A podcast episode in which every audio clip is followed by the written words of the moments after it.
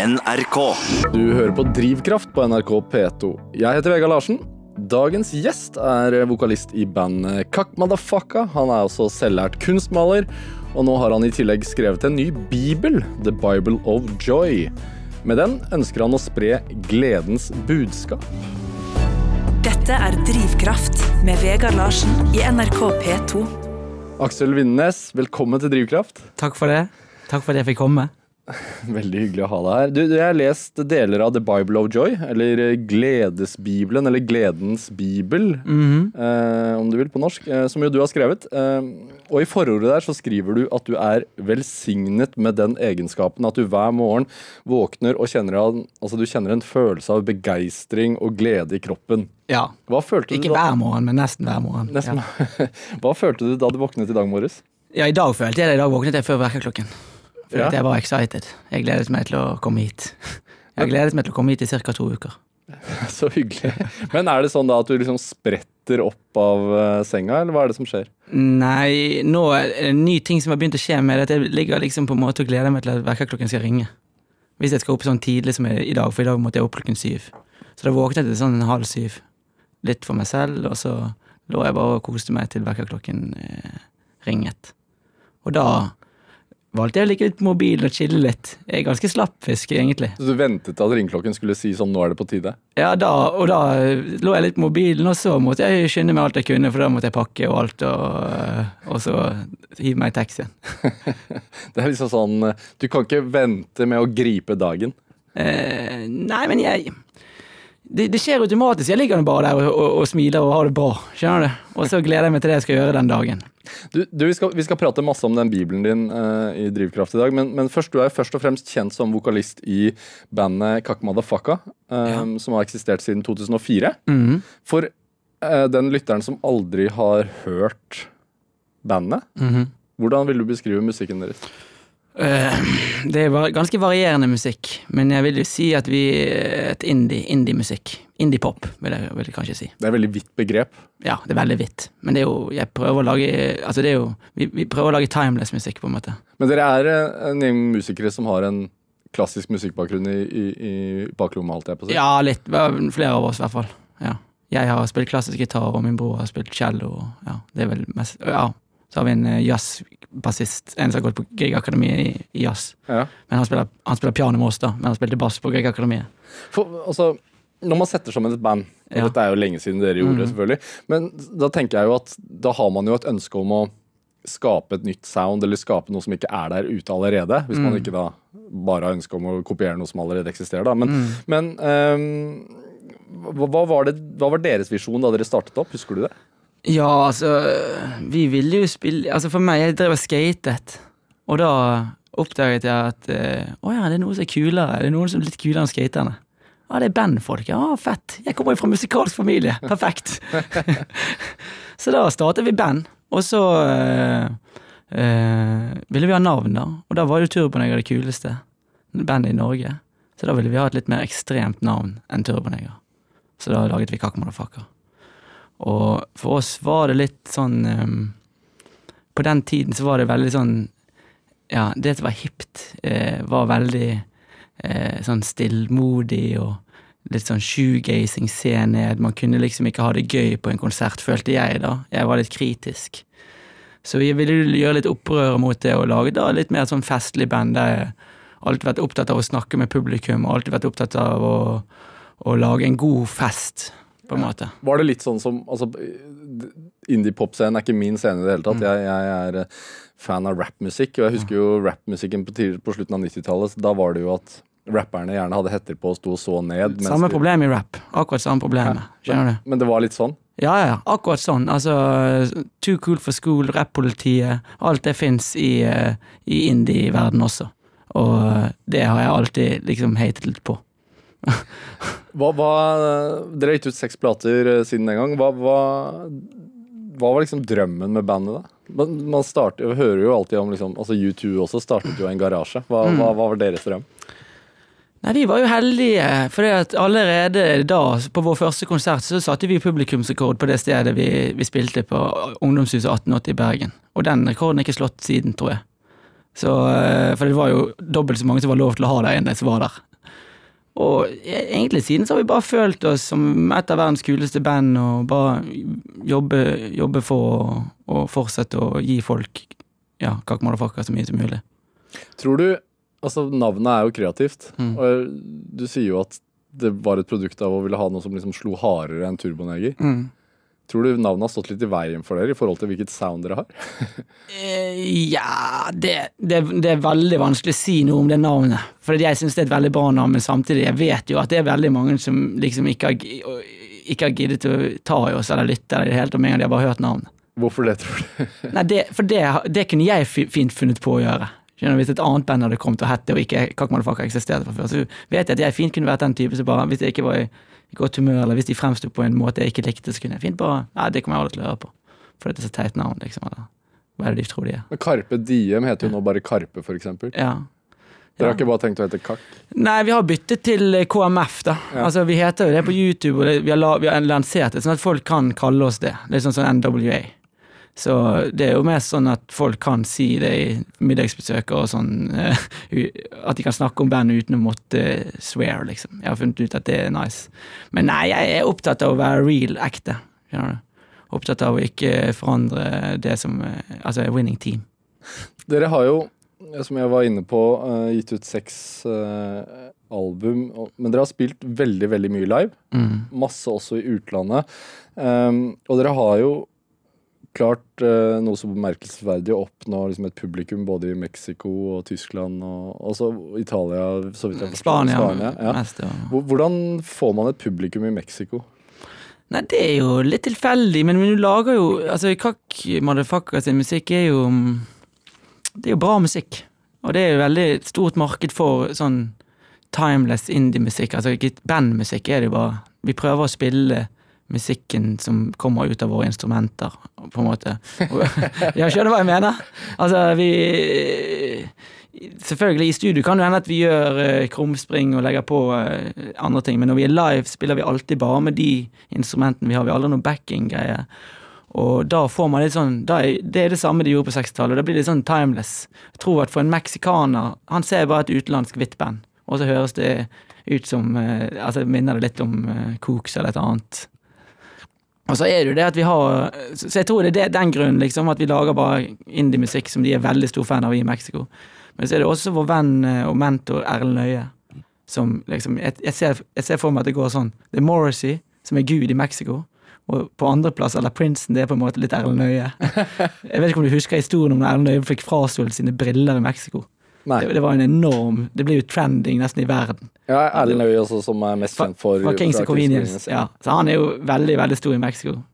Hva skjedde med brillene hans? Nå ble jeg Nei, han var og spilte der med Boy Live, som òg var et band som egentlig bare tok av i Mexico. Altså, De har også spilt inn en plate der, men det er begynner å bli ti år siden. Men da var det en konsert som tok helt av, og så gikk Erlend opp og skulle liksom kødde med publikum eller et eller annet. Og så var det en fan som tok hans mest legendariske briller. Fikk de aldri tilbake. Og, men, og, Og da ble det, trend, det ble trending på Twitter, og liksom Det var, det var helt sykt, sant, for han er så kjent for de brillene. Og liksom folk begynte å bli sur på meksikanerne. Ja, ja, det var veldig, ja, veldig morsomt. og en stakkars fan som ble lynsjet, kanskje. Ja, nei, men han ble aldri tatt. Eh, men eh, ja, det var jo i hvert fall mye morsomme historier der, og, og Erlend produserte jo Han var liksom den som tok oss inn under vingene sine og, og ga ut vårt første internasjonale album og produserte det og det andre, og, og da var det veldig naturlig at eh, meksikanerne òg fikk øynene opp for oss, siden Erlend var så stor der. Er det rart å, å dra til Mexico og spille for fullsatte saler? Altså, Altså, nå skal jeg til Mexico og spille på Ja, det var, gjorde jeg sist også, men nå dreier det seg om et par uker. Men skal alle har sett at jeg skal spille så mye, og det har aldri solgt mer billetter enn nå. Liksom. Det er helt utrolig. ja. Store festivaler og store venuer, og det er bare glede. Det er nesten større i Mexico enn i Oslo. Mye større lytter, mye flere lyttere. Ja. Mye flere lyttere. Og sant, Norge er jo et land som har på en måte kommet litt sent eh, til oss som eh, liksom eh, land der det virkelig gikk bra. Ja. Selv om vi alltid har spilt der, men det, det var mange år vi bare turnerte, f.eks. i Tyskland og i Europa og Spania, og nesten ikke spilte noe i Norge. Eh, vi er nødt til å høre litt musikk for den lytteren som ikke har hørt Kak Madafaka. Eh, vi skal spille Restless, kanskje deres største hit. Eh, hva har du å si om den låten, egentlig? Eh, det var, var helt klart vår, vår første internasjonale gjennombrudd med den låten.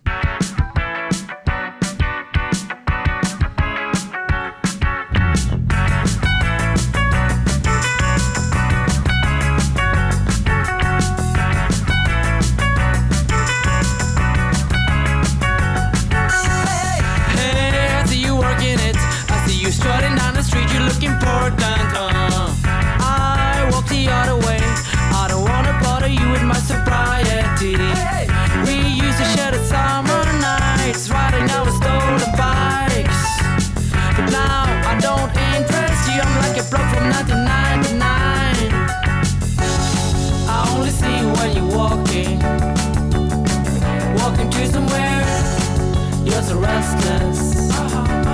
What can be over there? I only see you when you walk in. Walking to somewhere, you're so restless. It must be special there.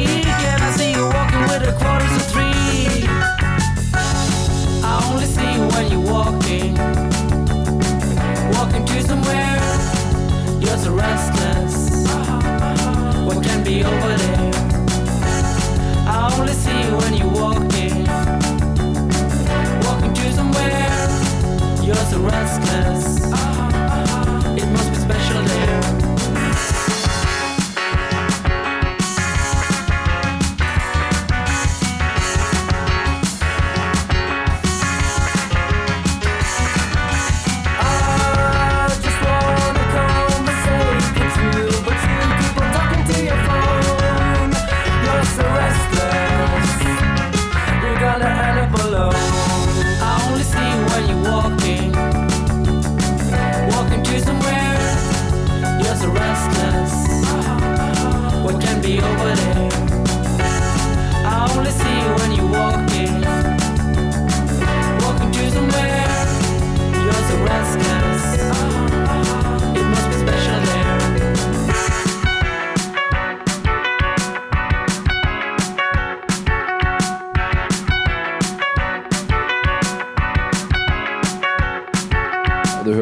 Låta 'Restless' eh, fra Kakmadafakka der altså, og du hører på Drivkraft på NRK P2. og I dag er vokalisten i akkurat det bandet her, Kakmadafakka her, Aksel Vindnes. Det er eh, hyggelig å ha deg her også. Eh, vi snakket jo om eh, Kakmadafakkas suksess i utlandet før vi hørte 'Restless' her. Eh, noe dere får veldig mye ros for, er jo liveopptredenene deres. Altså, folk eh, som ser dere live, beskriver det som en sånn veldig euforisk opplevelse. Hvordan jobber dere før konserten og sånn for å skape denne energien? Har dere noen triks oppi ermet? Triks og triks eh, Jeg vet ikke om det er noe Nei, det, det, det er litt det som er greien. Det er der, litt derfor jeg har skrevet Bibelen. eh, Det er glede. Det er det det går i.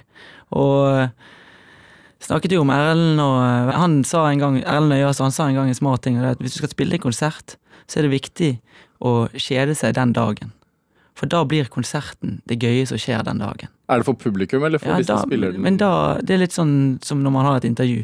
Det er best å snakke om freshe ting. Skjønner du? Å være fresh. Det er det veldig mye handler om. Så vi, så for meg, jeg har lært hjernen min til at jeg er akkurat som Alfred, hunden min, når han får en pinne. Da blokker han ut alt annet. Det er det gøyeste i verden for han. At noen kaster en pinne til han. Eller en sokk.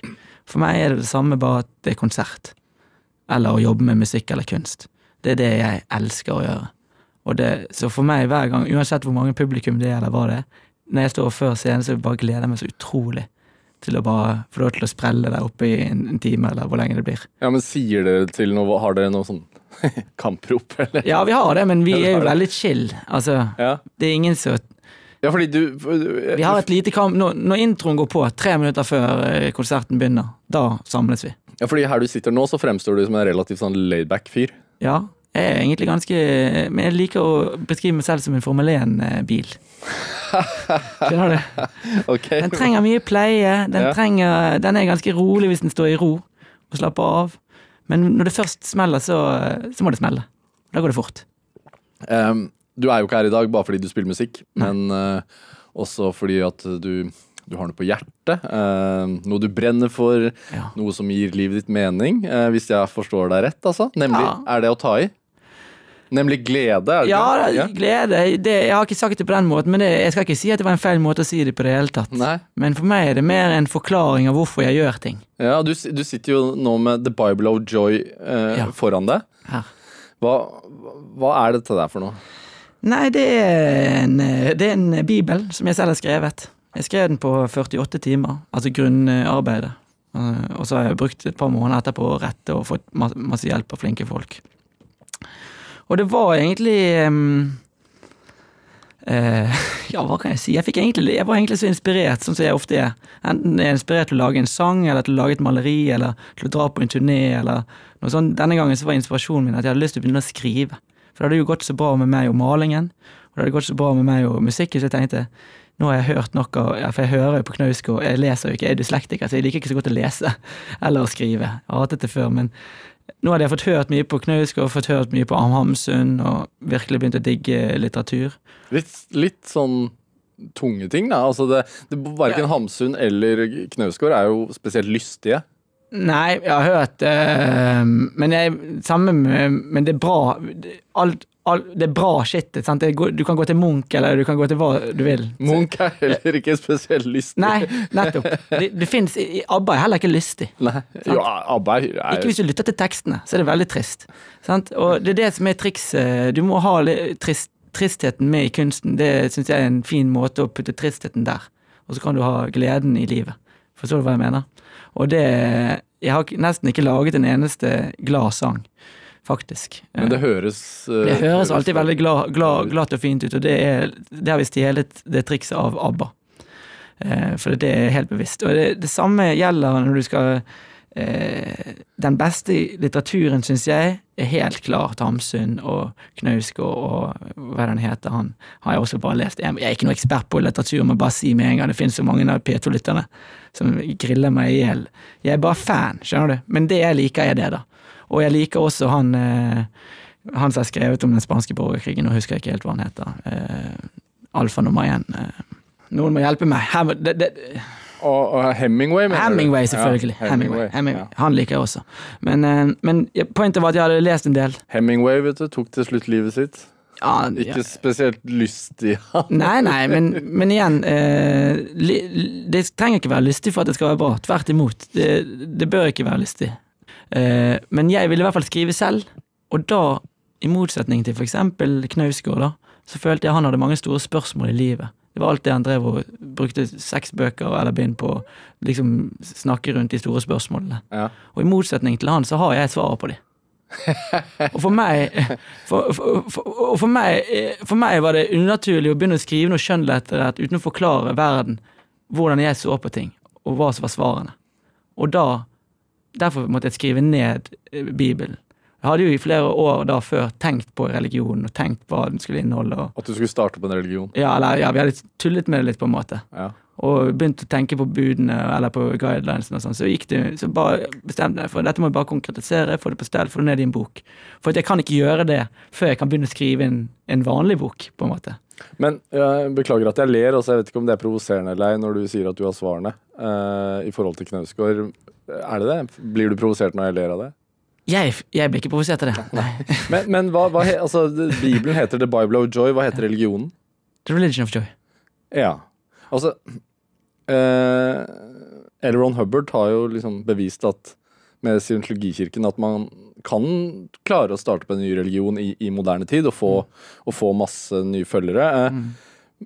Men, men har du registrert dette her som et trossamfunn? Ja, ja, ja. Du har det? Ja. Og fått det godkjent? Yes. I Norge, og nå er vi i gang med å få det godkjent i Tyskland også. Ja, fordi jeg, jeg forstår jo det sånn at det er ganske vanskelig å få registrert trossamfunn. Nei, det er ganske enkelt. Ja. Ja. Hva, hva står i en sånn søknad? Uh, altså, du må, ha, du må ha en trosbekjennelse, du må beskrive litt om trossamfunnet ditt, uh, og um, du må ha tre stykker i styret. Hva er trosbekjennelsen? Uh, I believe in joy. I fight for joy. May joy happen. Hvilke flere kategorier var det som måtte Nei, du må ha liksom Det, det er ganske vagt Ja. eh, når du leser inn på Brønnøysund der. Altså det, det viktigste er å ha den creeden, altså trosbekjennelsen, og du må ha liksom eh, du, du må kunne fortelle litt. Eh, men det, det finnes jo tullereligioner i Norge som, har, som får støtte, offentlig støtte, og ja, for jeg bare leste sånne, litt altså protestreligioner. Ja, for jeg leste litt om det. Altså I 2016 så fikk f.eks. Den norske sataniske kirke Ja. eh, Den fikk avslag. Den fikk avslag, ja. Eh, ja. Den hatolske kirke, som tror på hatten, fikk avslag. Ja, nettopp. Juledommen, som tror på julenissen, fikk avslag. Ja, ja. Eh. Kanskje naturlig nok, jeg vet ikke. Ja, nå har ikke jeg fått det 100 Altså, jeg har Jeg vet ikke hvor jeg er. Det eneste jeg vet, er at jeg prøvde å stemme på kirkevalget, Ja, nå? ja, og Ja. der var ikke mitt navn. Så det vil si at mitt navn er i den Jeg har fått eh, eh, altså det der eh, eh, Brønnøysundnummeret, organisasjonsnummer og alt det. Eh, når det gjelder statsstøtte, så tro, trodde fylkesmannen jeg snakket med, han, eh, han trodde at det, det så ut som at det kom til å gå i boks også, men det har jeg ennå ikke fått. Nei, fordi da, hvis man får det godkjent som, en ny tros, eh, eh, som et nytt trossamfunn, så har man krav på Ja, statsstøtte. Og vi har meldt inn krav til over 20 medlemmer, eller hva det er. Men jeg, jeg, det blir midt i Hvor mye er det snakk om da? Jeg, jeg har ikke peiling. det er ikke pengene jeg gjør det for, for å si det sånn. Altså, Men, men uh, før vi går mer i dybden på den bibelen, så lurer jeg på Er du religiøs selv? Altså, har, du, har du vært kristen, eller er du kristen, eller har du tilhørt noe tros... jeg har jo blitt vokst opp sånn som de fleste nordmenn i en kristen uh, Altså, ja, Går i julaften, uh, kirken på julaften. Og så gikk jeg jo i, i Domkirken barnehage, altså i Bergen. Så da var det en prest som snakket til oss der. Og jeg er konfirmert, altså, men jeg har jo aldri sett meg selv som en kristen i så måte. Og, og, og jeg må jo si at uh, det er òg litt av grunnen til at jeg ville lage religion, at jeg følte at um, Jeg har ikke så mye mot kristendommen og sånn, men kirken og liksom hvordan ting gjøres, det syns jeg det lukter litt sånn inngrodd, og det er på tide med noe nytt. Det skriver jeg i boken. Dette er Drivkraft med Vegard Larsen i NRK P2. Og i dag har vi vokalist fra bandet Kakmalafaka, Aksel Vindenes, i studio. Vi prater om hans uh, nye religion, The Religion of Joy, hvor han også har forfattet en bibel. Du sier jo at du begynte å lefle med denne ideen uh, for en del år siden. Eh, hva, hva var det som var grunnlaget for ideen til dette her? Ja, det er mange forskjellige ting jeg kom på nå i det siste, men hovedgrunnen var at vi laget en sang som het Gledens tid. Og den eh, laget ikke vi med, med hovedbandet, men med et annet sideprosjekt som heter Snill pose. Og det, den sangen laget vi fordi jeg og min samboer Nå snakker vi ganske mange år siden, da var det en veldig hektisk tid for meg. Det var når vi liksom hadde litt slått igjennom, vi hadde ikke begynt å få penger. Og det var utrolig mye tu- turnering og, og mye drama i bandet. Med folk som sluttet, og eh, ja, mye styr. Unge, ung festing, som jeg liker å kalle det. Det tar på. Ja. Og da var, fant jeg og min kjære et behov for å ha gledens tid sammen. Og da, lag, da stengte vi på en måte verden ute av og til og bare laget eh, tropisk stemning i, i leiligheten, eksempel. Eller vi hadde det bare rett og slett gledens tid. Det ble et uttrykk vi begynte å bruke. Og dette spredde seg som ilt i tørt gress. Alle sa gledens tid overalt. Vi, begynte å, vi laget en sang som heter Gledens tid.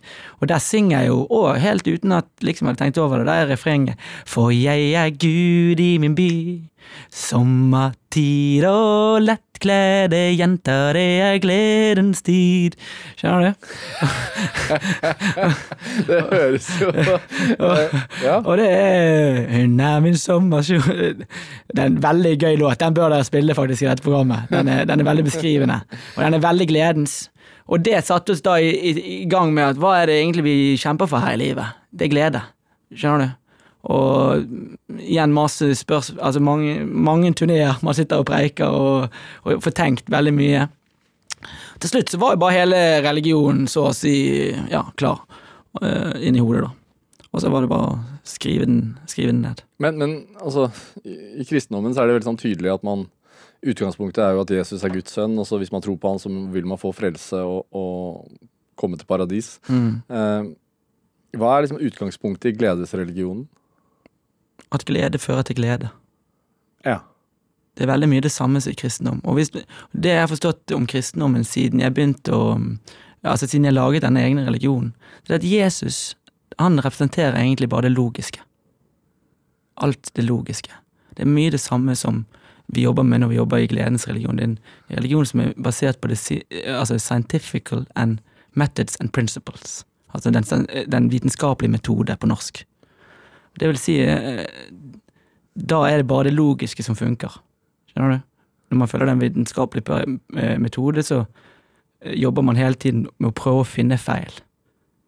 Det kristendommen gjør, det er å putte Jesus som et eksempel på Eller som en personifisering av det logiske. Mens i vår religion, the religion of joy, så sier vi bare gå etter det logiske. Forstår du? Men hvorfor ikke bare kalle det en selvhjelpsbok? Hvorfor må det bli definert som en religion og en bibel?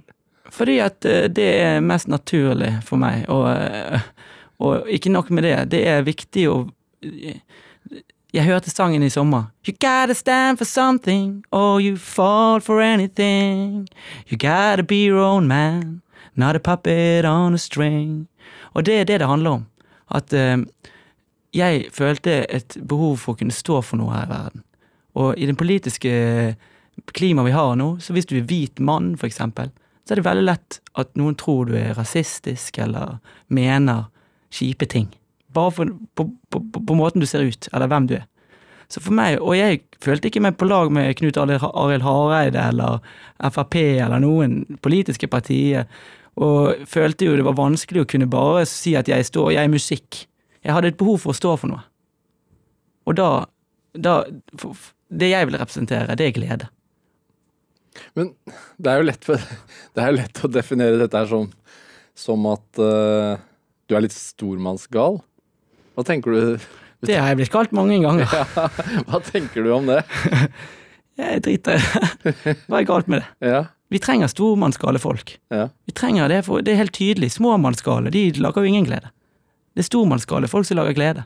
Vi, vi, må, vi, vi må sette pris på de menneskene som er sånn som meg i samfunnet, som går ut og tar litt ansvar for glede, og for at ting skjer.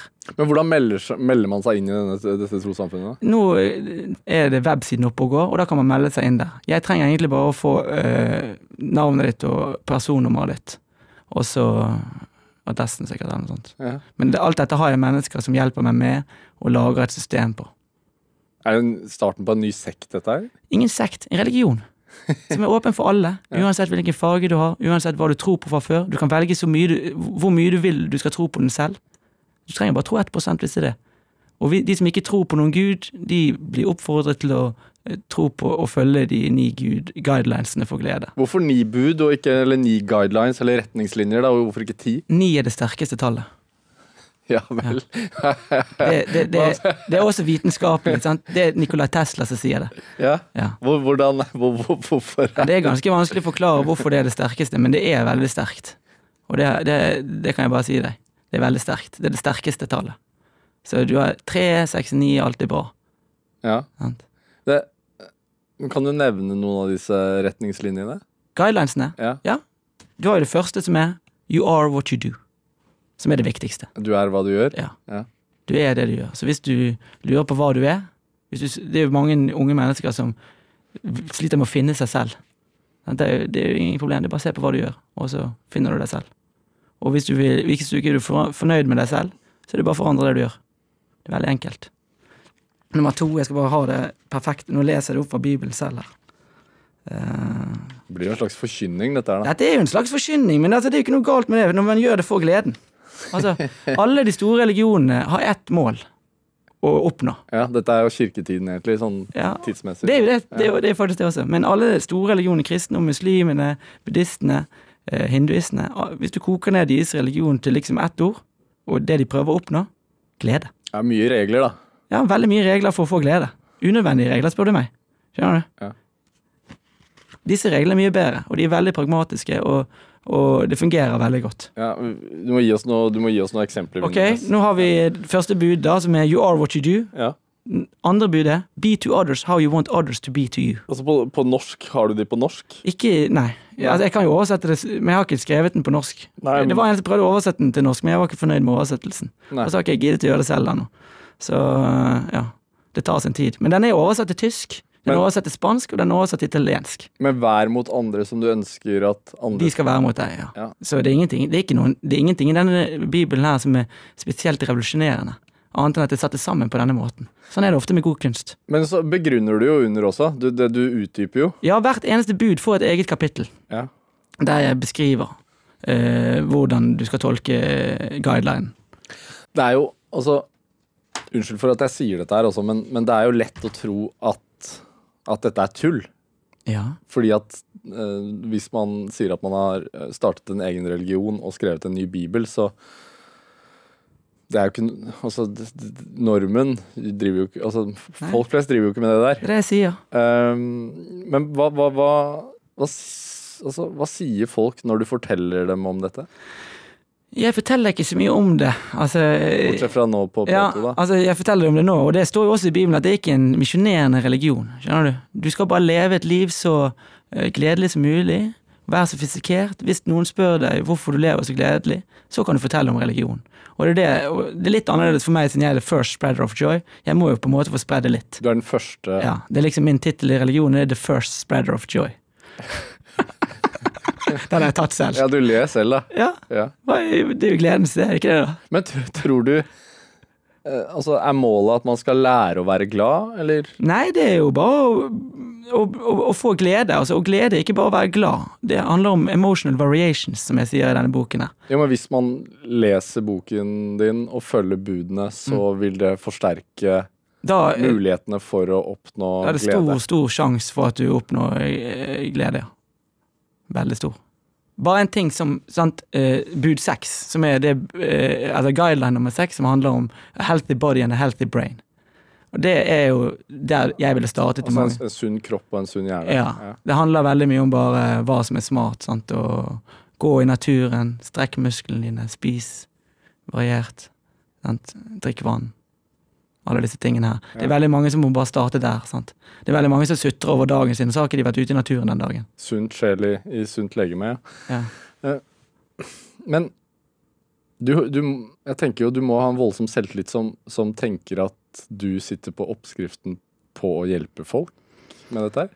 Uh, ja, men det hjelper for meg. Altså, det, jeg har, jeg, jeg, det er også en greie som står i Bibelen. Sant? Du må ikke sette Du må ikke ha så høye forventninger. Skjønner du? Du må, ikke, du må, du må sette lave forventninger og gjøre det du syns er gledens. Da, er- da, da får du ikke noe sånn eh, Jeg har jo veldig høy selvtillit, men det er ikke av det jeg gjør dette. her, Liksom. Dette her gjør jeg jo fordi at folk kommer til meg og spør meg om hvordan jeg skal gjøre ting. Ja. Og, og, og da er det mye bedre for meg å ha skrevet en religion, laget et system som fungerer bra for meg. For igjen, det handler om hva du gjør. Det som skjedde med meg når jeg begynte å gjøre en hel masse fete ting, det var at folk begynte å komme med masse spørsmål til meg. Hvordan får du det til? Hvordan klarer du å være så gledens? Hvordan klarer aldri å spille dårlig konsert? Skjønner du? Alle disse spørsmålene kommer hele tiden. Må klare å lage så mange sanger? Hele tiden. Kan du komme med råd til meg? Kan vi, skjønner du? Blir lei av å svare på det. Skrev en bok. Ja. Ferdig med det. Den er jo uh, oversatt til italiensk, spansk, tysk og engelsk. Ja. Uh, Nei, jeg skrev den på engelsk. ja. For jeg skriver, jeg lager ingen, ingen kunst som ikke er internasjonal. Jeg prøver ikke å, å, jeg prøver å unngå det. Det norske språket blir for Det blir for lite folk. Ja. Det er bare fem mil. Det er det du må forstå når du reiser mye. Da får du også et syn på livet og, og verden som jeg, som jeg anbefaler alle. Og det har jeg faktisk ikke skrevet i boken. Jeg angrer litt på det. Det kommer kanskje i, i andre editasjon. Travel. The, the New Testament. Nei, men det kommer, det kommer til en liten edit. sant? Ja. Det er jo noe helt normalt på bøker. Ja. Og da vil jeg hatt med det å reise. Da får man et veldig perspektiv. Da får man sett andre samfunn. Man får se f.eks. at det finnes ikke bompenger i noen andre land enn Norge. Ikke noe bompengediskusjon i dag. Du, eh, hvor mange eksemplarer finnes det av denne bibelen? Eh, digitalt evig. eh, fysisk. Første opplag er på 100, så det er nesten utsolgt. Nesten utsolgt 100. Så det er fremdeles en, Og jeg har ikke noe forlag lite sånn i Norge. utbredt religion, da. Veldig lite. Vi, vi, har, vi har kun eh, 20 medlemmer i Norge, og den er jo startet i år. Altså, boken kom ut i år, og har bare blitt solgt på Kak Motherfucker-konserter. Jeg har ikke noen forlagsavtale eller distribusjonsavtale. Eh, jeg prøvde å sende den til et forlag, men de brukte for lang tid til å svare meg. Er det Jeg må jo spørre, spørre om dette her. Altså, er det for å få ekstra oppmerksomhet rundt bandet også at du gjør dette, eller? Det går, det går ikke hånd i hanske, det har ikke noe med hverandre å gjøre. Jeg gjør dette fordi jeg syns det er gledens, og fordi jeg, jeg syns det er gøy. Skjønner du? Og, og noe mer enn det er det egentlig ikke. Men du, Litt ansvar. Jeg føler litt ansvar. Det er litt gidderløshet for min egen del. Skjønner du? For jeg gidder ikke å drive og Jeg, jeg har lyst til at du vet Om fem-ti år så blir dette akkurat som Marios lille røde. Alle bare har den. Skjønner du hva jeg mener? Og, og jeg slipper å forklare hvordan de skal gjøre det. ja, Så det er litt sånn egoistisk. og da vil dette radiointervjuet bli sett på som et legendarisk. Mest sannsynlig. Du vet, det er mange legendariske intervjuer med meg der ute. Men du eh, det sier jo at hvis man leser den boka og følger retningslinjene, så er det stor, stor sjanse for at man oppnår eh, glede i livet. Eh, men jeg bare tenker sånn folk som, for å være litt seriøs, da, folk som opplever depresjon og tungsinn, vil jo kanskje føle at dette her bagatelliserer tilstanden deres litt. Hva Hva tenker du om det? Altså fordi, Ikke de jeg kjenner eh, som jeg har kurert for depresjon og tungsinn. ja, for du har gjort det. Ja. Kan du fortelle om det? Jeg har kurert mitt eget depresjon og tungsinn. Ja, det er veldig enkelt. I noen tilfeller. Veldig vanskelig i andre tilfeller. Det er jo veldig forskjellig fra person til person. Det eneste jeg kan si til deg, det er at hvis du har prøvd å gå i naturen hver dag og, og følge Bibelen, og gjøre for eksempel altså lage ting, create, det er en, en av de beste medisinene mot depresjon. Så hvis du går i naturen, og så lager du noe, maler eller et eller annet på kvelden etterpå, da blir du frisk. Mest sannsynlig. Dette er Drivkraft med Vegard Larsen i NRK P2. Og i dag har vi besøk av eh, Aksel Vindnes. Han er vokalist i bergensbandet Cuck Motherfucka, og han eh, er også forfatteren av The Bible of Joy. En bibel i en religion som Aksel også har startet opp, eh, og som har blitt tatt opp som et nytt trossamfunn i Norge. Ja. Du ønsker å spre glede, og du sier jo at du har kurert eh, at du, Ved hjelp av dette her, så har du kurert også din egen depresjon. Um, Jeg vil og- bare skyte inn med en gang. Jeg har aldri vært eh, påvist alvorlig depresjon eller noe sånt. Altså. Men jeg tror alle mennesker bruker ordet depresjon når de, når de føler, det, eh, føler seg litt tung en dag eller en periode. Um, men depresjon vil jeg ikke bruke på den måten, altså. Nei. Eh, Når du sa det på den måten, så hørtes det helt annerledes ut enn sånn som jeg likte å si det. Skjønner du hva jeg mener? Det, det, depresjon er jo for det første veldig vanskelig å definere rent psykologisk. Så ja Da, da handler det veldig mye om måten man sier det. Ja. Ja. Det var egentlig bare en vei inn i spørsmålet mitt, skjønner, der, men, men det er fint at vi får det Ja, for jeg har aldri vært deprimert. Jeg er redd for at noen skal tenke at jeg har noen gang vært deprimert. Jeg har aldri vært. Men jeg har klart at i et hvilket som helst liv så er du avhengig av opp og ned. Man må føle seg skikkelig lei seg av og til. Man må for å kunne føle seg glad. Og det står det også veldig mye om i, i, i, bud tre, altså i kapittel tre. Ja, så man må være på bunn noen ganger for Ja, å altså det er må og må. Det, det, det er helt naturlig. Det er, det er en veldig naturlig religion. Det er mer en forklaring av hvordan det ting fungerer. Og det forstår man jo også hvis man leser det at ok, kanskje det ikke er så farlig med denne depresjonen. Skjønner du? Kanskje det, Sånn som jeg gjør når jeg føler meg deprimert eller trist en dag. Da gleder jeg meg bare for det. Da, da vet jeg at den samme driten jeg føler nå, den kommer jeg til å få tilbake i glede. Og det verste er at noen ganger når jeg føler meg virkelig gledelig og glad, så det er akkurat å slå meg faen noe gruer meg til å få det tilbake dette i, i andre retningen. Skjønner du? Men har, men har du alltid vært sånn her? Altså, hvordan, var, hvordan var du som barn? Eh, som barn var jeg vel jeg vil si ganske wild, men også blid. Men ja, når jeg, altså jeg ble født, så stoppet folk mine foreldre på gaten når jeg gikk, og, fordi jeg så så blid ut. Og da bodde vi i Ålesundsva. Se hvor blid han er! sa de til mine foreldre. Og det første ordet jeg lærte, det var obba. Jobbe. Så det er alltid likt liksom å gjøre ting, og jeg har gjort det med et godt humør. Ja, Har du, har du opplevd at noen syns det kan bli for mye av det gode? Altså sånn Gjennom oppveksten, tenker jeg på. Altså At noen har forsøkt å liksom stagge din måte å være på? ja, helt klart. På hvordan måte da? Nei, det har jeg jo bare Det står jo det også om i Bibelen, liksom, med skolesystem. Jeg var ikke noen god person på skolen. Selv om jeg fikk jo gode karakterer, var veldig populær og godt likt og alt sånt, men uh, hadde også mange episoder, eh, liksom, eller perioder som ikke var gledens med skolen i det hele tatt. Tvert imot. Og har egentlig følt meg i opposisjon veldig til skolen og til store deler av samfunnet hele livet. Veldig mye på grunn av skolen. Jeg har mest sannsynlig litt posttraumatisk stress for det. Men tror du det? Ja. Selverklært? Eller det er bare selverklært. Jeg har heller ikke fått påvist, skjønner du. Og det er kun inni meg, skjønner du. Det, det er sånn som man snakker. Ja. I hvert fall i Bergen, jeg vet ikke hvordan det er her. Men eh, sant? jeg har ikke fått påvist eh, posttraumatisk stress, men jeg føler det at eh, Hva var det som skjedde at du uh, jeg ble jo veldig Jeg var ikke noe spesielt god å lese, og ble veldig presset på det foran klassen, og var veldig vill. Så vill at de måtte ansette en egen lærer for meg på Haukeland skole. Og på, eh, på ungdomsskolen så var det jo krig, liksom. Det var jo liksom ikke noe Det var elg i oppførsel og Men veldig godt forhold til mine foreldre. Alltid veldig dannet og høflig, men jeg har liksom ikke likt jeg, jeg, ja, Du kan se på meg som en sånn okse som ikke liker å være i den båsen. Jeg vil helst være på en økologisk gård.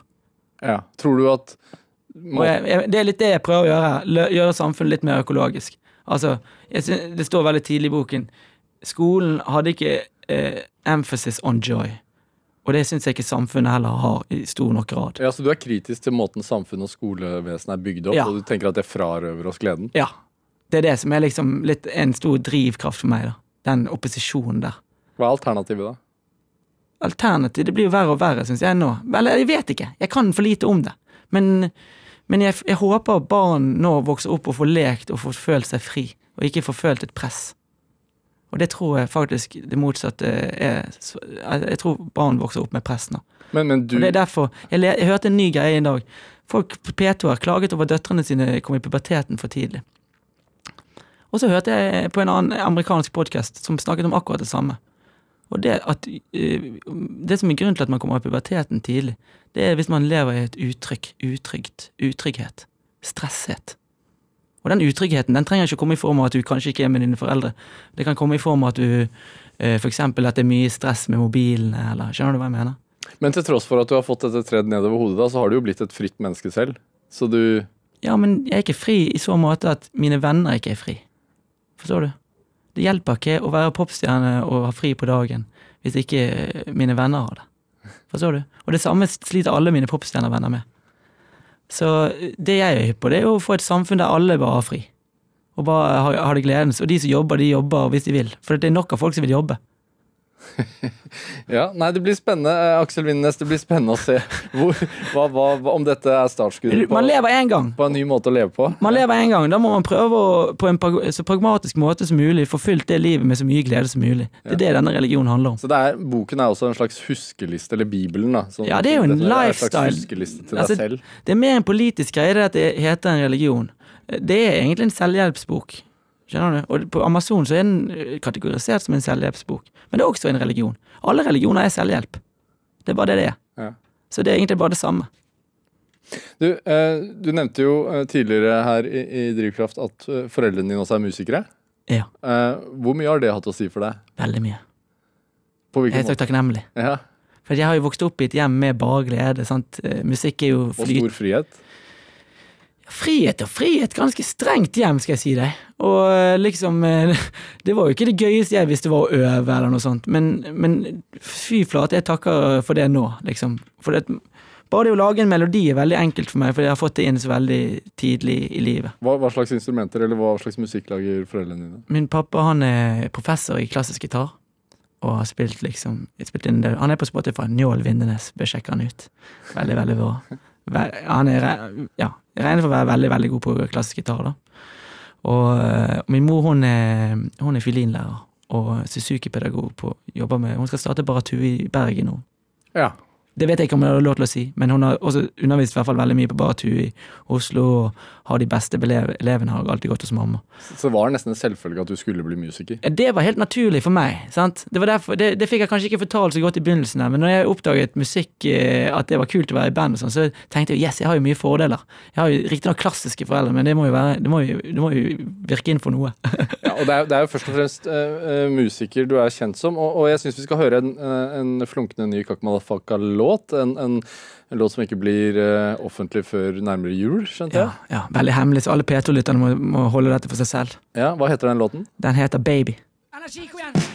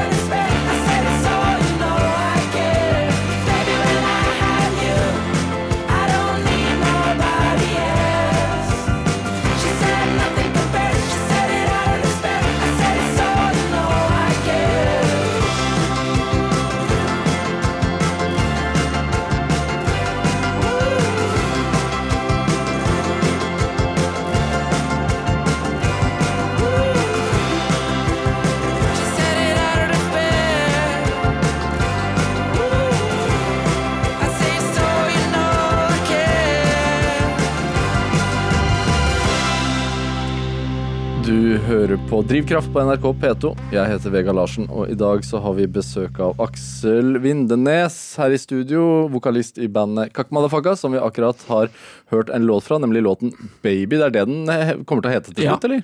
Den kommer nok til å hete Baby. Den er ikke helt ferdig. Den er ikke 100% Den er faktisk ikke maset eller mikset, det vi hører nå. Det, det er bare rett ut fra studio. Ja, hva handler denne låta om, egentlig? Den handler om, eh, om glede, og om, eh, om å være sammen med en annen person man liker godt. Så det, det, er, det er en av de mest eh, positive Kakk Motherfucker-låtene noensinne. Personlig låt? Ja, både òg. Ja. Både òg. Du, eh, Rett før vi hørte låten, så snakket vi litt om oppveksten din, og at du har foreldre som er musikere. Um, og vi har også vært innom det at du har skrevet en eh, bibel om glede. Jeg bare tenker på det. Eh, tilbake til litt hva som har formet deg, altså, og, og den musikalske oppdagelsen. Så var, bo, du vokste vel opp da i et hjem som var fylt med musikk, da? Ja. Til enhver tid. Veldig mye, ja. Hva var det som Jeg ble jo tvunget til å øve også. Du ble tvunget til å øve? Ja, ja, ja. Hva slags instrumenter? Klassisk gitar. Ja. Og det, det, sant, for da var jo jeg egentlig en fotballgutt. Mye også. Sant? Veldig interessant, egentlig. Veldig opptatt av fotball og øh, ja, skating etter hvert. Sant? Idrett generelt? Ja, ja, veldig ja, Fotball var mye interessant. Mer interessant for meg enn musikk da i de tidlige barneårene og sånn. Det var ikke før jeg ble liksom 18 eh, oppdaget musikken sånn for alvor og startet band og sånn. Ja, og da Men var du før- takknemlig for at du hadde blitt tvunget til å Ja, det? Ja, da var jeg veldig takknemlig for det. Og mye mer nå enn jeg var da. Da tok jeg det for gitt, skjønner du. Men nå ser jeg jo det at veldig mange som ikke har fått den oppdragelsen. Men alltid selvfølgelig jeg musikk. Og det har alltid vært en flukt. Eller slapper veldig godt av med elsker å gå inn i musikk. Og, så var allerede veldig musikkfan, da. Sant? Alltid vært. Og, men ikke noe sånn klassisk. Ikke, jeg har jo hørt sånn som deg på rap. Sant? Det er jo gangsterrap som er min favorittmusikk å, å høre på. Men hva tror du det gjør med et menneske at man er, er hele tiden omgitt av musikk som barn? Og, Jeg tror bare det er sinnssykt sunt. Utrolig sunt for intelligens, utrolig sunt for glede. Utrolig sunt for ja. på hvilken måte da?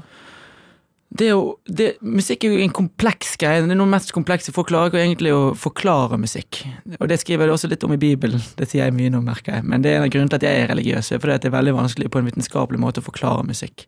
Og min forklaring på det er at hvis du omsatt veldig mye Eller om eh, befinner deg mye med dette, så vil det få Det vil utvikle hjernen, for det er så komplekst. sant? Du prøver hele tiden å finne ut, og etter hvert så Du aner ikke hvor nerdete folk er på musikk. Jeg har ikke opplevd maken i noe annet. sant? Det er helt utrolig. Det finnes autister som kan høre tonen på en vaskemaskin. skjønner du? Og det finnes folk som kan alt uten altså Leif Ove Ansnes, for eksempel. Hvis du vet hvor mye han kan inni hodet sitt. Det er helt utrolig. Og så, Samme med meg når jeg står og spiller for flere tusen. Jeg kan stå og huske Det er så magisk. Jeg kan stå og bare tenke på hva jeg skal gjøre i morgen. Drite egentlig i det. Og alle, likevel så bare De digger det! Skjønner du? Musikken er så kraftfull. Det er, vel, det, er det sterkeste som fins. Det fins jo mennesker som uh, virkelig ikke klarer å høre på musikk, eller Ja. som ikke får noe som helst ut av det. Hvordan tror du de har det? det, det, blir, det blir umulig for meg å forstå. Skjønner du? Det blir, som jeg, det blir som om jeg skulle liksom forstått hvordan verden er laget. Skjønner du? Men du har jo et behov for å eh, synes, eh, antar jeg. Fordi jeg, Hvis jeg forstår det rett, så prøvde du også tidlig i tidlig livsår å bli skuespiller. Ja, jeg gjorde det. Jeg ble jo skuespiller, egentlig. Altså, jeg ble jo Mine foreldre sendte meg på audition. De tenkte perfekt, her har vi en gutt som er helt wild. Det er Emil i Lønneberg de, de vil ha audition på, på nasjonalscenen i Bergen. Det var 350 unggutter som stilte opp, og jeg fikk rollen sammen med to-tre andre stykker. Og lærte meg hele jeg var, Det er jo paradoksalt, jeg er halvt svensk, sant? så i Sverige så hver sommer så er jo jeg på en sånn Emil bondegård.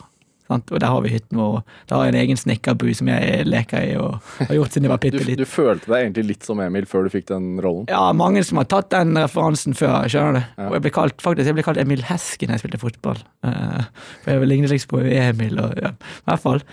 Eh, Du er ikke så lik Emil Heskey, altså. Det Nei, nei, nei, men det var jo fordi at jeg var Emil, men så var jeg fotballspiller. Ja, okay, jeg og så begynte de å legge på Hesky. Han var jo svart mann, da, for Ja. de som ikke vet. Men i hvert fall eh, Uansett, eh, jeg fikk rollen, lærte meg hele dette manuset. Det, lærte, det lærte jeg jo da i, i, i på Kråkestad i Sverige, midt i skogene der.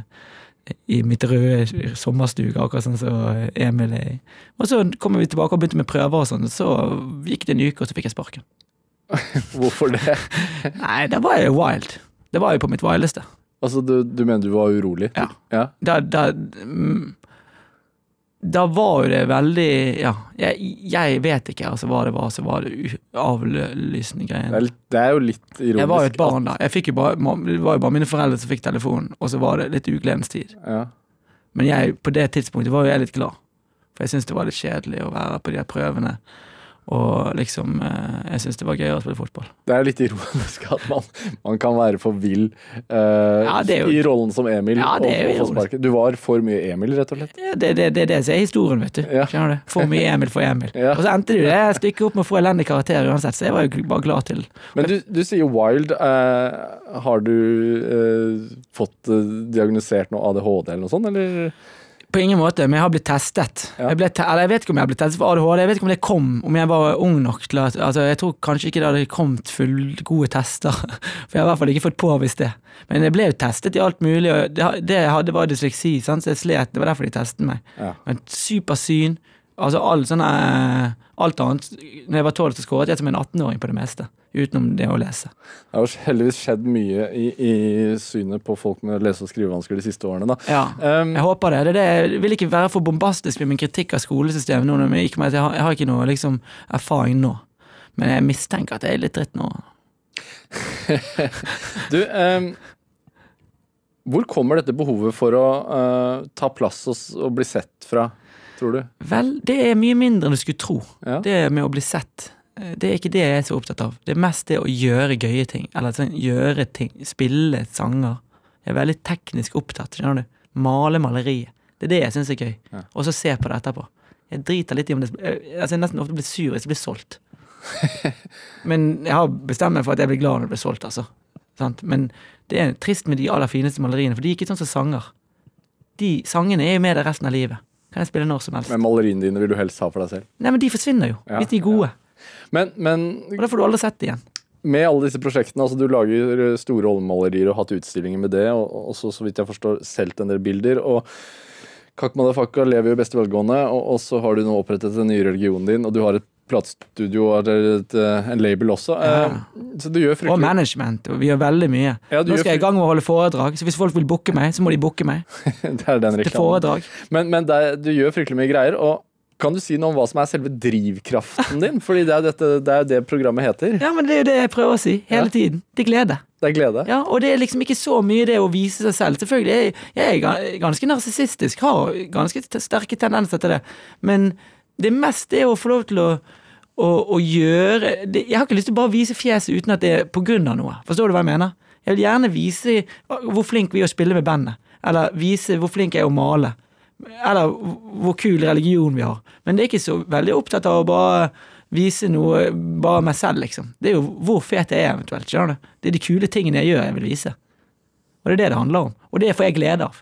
Jeg, jo, jeg er jo rapper og har laget to rappalbum. Det har du glemt å, si- det. Altså, Det er jo umulig å komme innom alt, vet du. Ja, De ligger på Spotify. Wild Nature.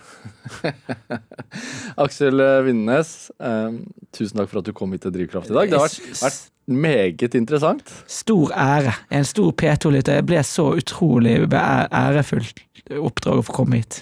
Nå blir det i hvert fall Dagsnytt og Nyhetslunsj her på NRK P2. Jeg heter Vega Larsen. Ha det bra.